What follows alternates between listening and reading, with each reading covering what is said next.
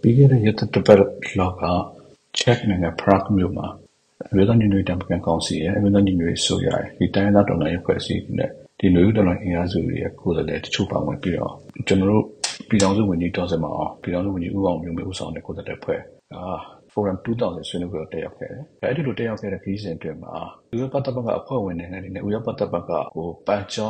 လွှာတခုကျွန်တော်တို့ပြပို့ခဲ့တာရှိပါတယ်။ Prague ပန်ချာလွှာပေါ့နော်ပန်ချာချက်ပေါ့အဲ့ဒီလိုကျွန်တော်တို့ခေါ်ပါတယ်။အဲ့တော့အဲ့ဒီပန်ချာချက်ထဲမှာကျွန်တော်တို့တောင်းဆိုခဲ့တဲ့ကိစ္စတွေနဲ့ပတ်သက်ပြီးတော့ကျင်းချုပ်ပြီးပြောရမယ်ဆိုလို့ရှိရင်ပထမဆုံးကတော့ကျွန်တော်တို့ရဲ့ဒီလူတော်လိုင်းနဲ့ပတ်သက်ပြီးတော့မြို့ညညရေးအစိုးရပါဝင်ကျွန်တော်တိုင်းကအင်အားစုတွေရောဘာလို့တခြားဒီလူတော်လိုင်းအင်အားစုဒီအားလုံးက ဒါညီညီညွတ်ညွတ်နဲ့ဆောင်ရွက်နေတာတွေရှိတယ်။ဆိုတော့အဲ့ဒီလိုဆောင်ရွက်နေပြီးတဲ့အခါကျတော့ကျွန်တော်တို့အင်အားစုတွေနဲ့ဒီဥရောပသမဂ္ဂအဖွဲ့ဝင်နိုင်ငံတွေနဲ့ဥရောပရဲ့မိတ်ဖက်အဖွဲ့အစည်းတွေကိုဟိုတောင်းဆိုချက်တွေတောင်းဆိုခဲ့တာရှိတယ်။အဲ့တော့ပထမဆုံးတောင်းဆိုချက်ကတော့ကျွန်တော်တို့ရဲ့လွတ်လပ်မှုကိုကာကွယ်ဆောက်ရှောက်တဲ့ဆုံးဖြတ်ချက်ဒါမြန်မာပြည်သူလူထုရဲ့သဘောဆန္ဒဒါတွေကိုလေးစားဖို့အဲ့ဒီလိုလေးစားတဲ့အနေနဲ့အချမ်းဖက်စစ်တပ်ကိုတွားပြီးတော့အကျိုးဖြစ်စေမဲ့ ကိစ္စပေါ့အထူးသဖြင့်ကတော့တွိဆုံဆွေးနွေးမှုတို့စေစပ်ညှိနှိုင်းမှုတို့ဒါမျိုးကိုတင်းကျပ်ပြအားပေးပြီးတော့ဒါတွေကိုဆောင်ရွက်ဖို့ကြိုးစားနေတဲ့ကိစ္စတွေဒါတွေကလောလောဆယ်ကျွန်တော်တို့လက်ရှိအခြေအနေကဘယ်လို့မှကျွန်တော်တို့တော်လှန်ရေးကိုအထောက်အကူမဖြစ်ဘူးအချိန်မတန်သေးဘူးလို့ပြောလို့ရတယ်ဆိုတော့အဲ့တော့ဒါတွေမလုပ်ဖို့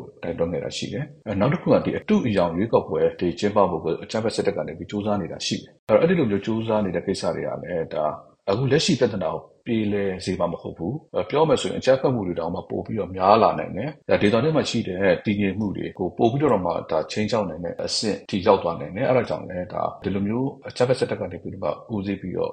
လုံးမယ်ရုပ်ောက်ပွဲမျိုးကိုလည်းလက်မခံဖို့ကျွန်တော်တို့တိုက်တွန်းနေတာရှိတယ်။နောက်တစ်ခုကဘာလဲဆိုတော့လူသားနဲ့စာနာထောက်ထားမှုအကူအညီတွေအခုလက်ရှိကျွန်တော်တို့တိုင်းပြည်မှာလိုအပ်နေတယ်။ဒီလူသားနဲ့စာနာထောက်ထားမှုအကျက်တဲအခက်အခဲဒီပြဿနာဖြစ်အောင်လုပ်တာအကြမ်းဖက်စစ်တပ်ပဲဖြစ်တယ်။အဲ့တော့ဒီအကြမ်းဖက်စစ်တပ်ကိုအထောက်အကူပြုစေမယ်အကြမ်းဖက်စစ်တပ်ကနေပြီးတော့မှစီမံခွန်ခွဲမဲ့ ဒီလူသားချင်းစာနာမှုအထောက်အကူအစီအစဉ်တွေကိုမလုပ်မိဖို့လိုတယ်လို့ကျွန်တော်တို့ကသဘောထားရှိတယ်။အဲ့တော့ဒီအကူအညီတွေကိုပေးမယ်ဆိုလို့ရှိရင်ဒါနေဆက်တက်ကြော်ပြီးတော့ပေးဖို့လို့ရတဲ့နည်းလမ်းတွေရှိတယ်။နောက်တော့ကျွန်တော်တို့နဲ့နှီးစပ်တဲ့ဒီဝန်ဆောင်မှုပြည်နေတဲ့ဖွဲ့တွေလည်းအများကြီးရှိတယ်။ဒီဖွဲ့တွေနဲ့ပူးပေါင်းပြီးဆောင်ရွက်ဖို့လိုတယ်။အဲ့ဒါကိုကျွန်တော်တို့ပြောတယ်။ နောက်တစ်ချက်က အခု အကြမ်းဖက်စစ်တပ်ကို အရေးယူနေတဲ့ကိစ္စတွေရှိတယ်။ဥပမာဖြင့်ကျွန်တော်တို့ဘန်တွေကို အရေးယူတာမျိုးတွေ နောက်တစ်ခါလင်းစီတင်သွင်းတဲ့ ကုမ္ပဏီတွေကို အရေးယူတာမျိုးတွေ ဒါမျိုးတွေ ဆောင်ရွက်နေတာရှိတယ်ပေါ့လေ။အဲ့တော့အဲ့ဒီ EU တွေနဲ့ကလည်းဒီဘန်တွေကို အရေးယူတဲ့ကိစ္စပဲဖြစ်ဖြစ်ပေါ့နော်တခြားဟို နိုင်ငံတကာအရေးယူဆောင်မှုတွေအားလုံးကိုပိတ်ဆို့မှုတွေဒါတွေကိုပူးပေါင်းဆောင်ဖို့လိုတယ်အရေးယူမှုတွေပို့ပြီးတော့ထိထိရောက်ရောက်ဖြစ်ဖို့ဆိုလို့ရှိရင်လည်းဆက်လက်ပြီးတော့ပေါ့လေနိုင်ငံတကာတခြားသောနိုင်ငံများနဲ့လည်းပူးပေါင်းပြီးတော့ညှိနှိုင်းပြီးဆောင်ဖို့လိုတယ်ဆိုတာကိုလည်းကျွန်တော်တို့ပြောပါတယ်အဲနောက်တစ်ချက်ကပါလဲဆိုတဲ့အခါကျတော့အမျိုးသားညီညွတ်ရေးအစိုးရနဲ့နောက်တခြားအခုပေါ့လေပြည်နယ်အဆင့်ကျွန်တော်တို့ Federal Unit လို့ပြောတာပေါ့အဲ့ဒီအဆင့်မှာရှိတဲ့ဂျာကာလာအုပ်ချုပ်ရေး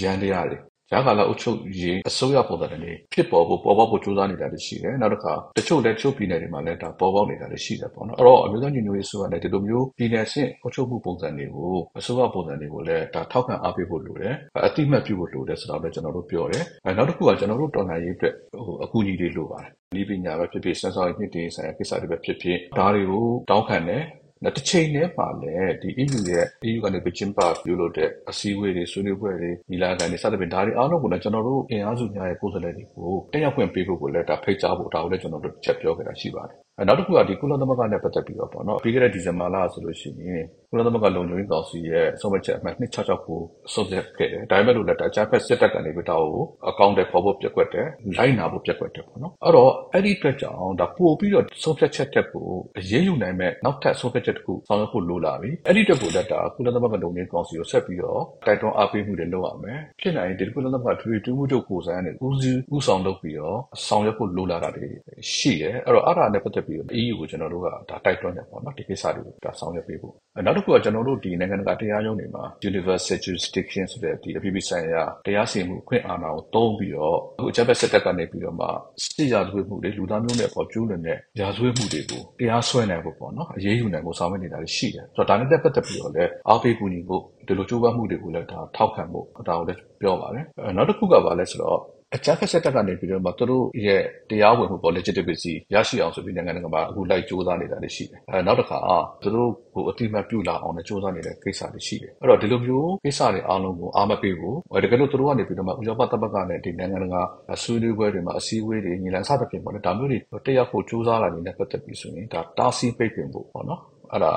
အရေးကြီးပါတယ်ဒါကိုလည်းကျွန်တော်တို့ပြောတယ်နောက်ဆုံး ပြောမယ်ဆိုလို့ရှိရင်တော့ ဒါကုလသမဂ္ဂအဖွဲ့အစည်းများ နိုင်ငံတကာအကူအညီအထောက်ပံ့တွေပေးနေတဲ့ အဖွဲ့အစည်းတွေ နောက်ကနိုင်ငံတကာဖွံ့ဖြိုးတိုးတက်မှုဖော်ဆောင်ရေးအဖွဲ့အစည်းတွေပေါ့လေ ဒီအဖွဲ့အစည်းတွေကနေတော့ မြန်မာအရေးနဲ့ပတ်သက်ပြီး မြန်မာနိုင်ငံနဲ့ပတ်သက်ပြီးတော့အကူအညီမှုတွေ ဆောင်ရွက်နေတာတွေရှိတယ် အဲဒီလိုဆောင်ရွက်တဲ့အခါမှာ အမျိုးသားညီညွတ်ရေးဆိုရဒါမှမဟုတ်တိုင်းသားတော်လှန်ရေးအဖွဲ့အစည်းတွေ ဒါမှမဟုတ်လည်း ကျွန်တော်တို့ အရက်ဖက် လူလူချေပြီးအဖွဲ့အစည်းတွေ ဒါတွေနဲ့ ပူးပေါင်းပြီးတော့ ဆောင်ရွက်ဖို့လိုတယ် အဲ့တော့တစ်ဖက်ကကျတော့ဒီအကြမ်းဖက်စစ်တပ်ကို အားပေးတဲ့ အကြမ်းဖက်စစ်တပ်ကနေပြီးမှဒီလိုမျိုးအကူအညီတွေကို အလွယ်သုံးလုပ်မဲ့ကိစ္စတွေကိုလည်းပိတ်ပင်မှုလုပ်တယ်ဆိုတာကိုကျွန်တော်တို့ပြောပါတယ်ဒါကတော့ကျွန်တော်တို့ PRAC ပန်ကြားလွှာတဲ့မှာပါဝင်တဲ့အဓိကအချက်တွေပဲဖြစ်ပါတယ်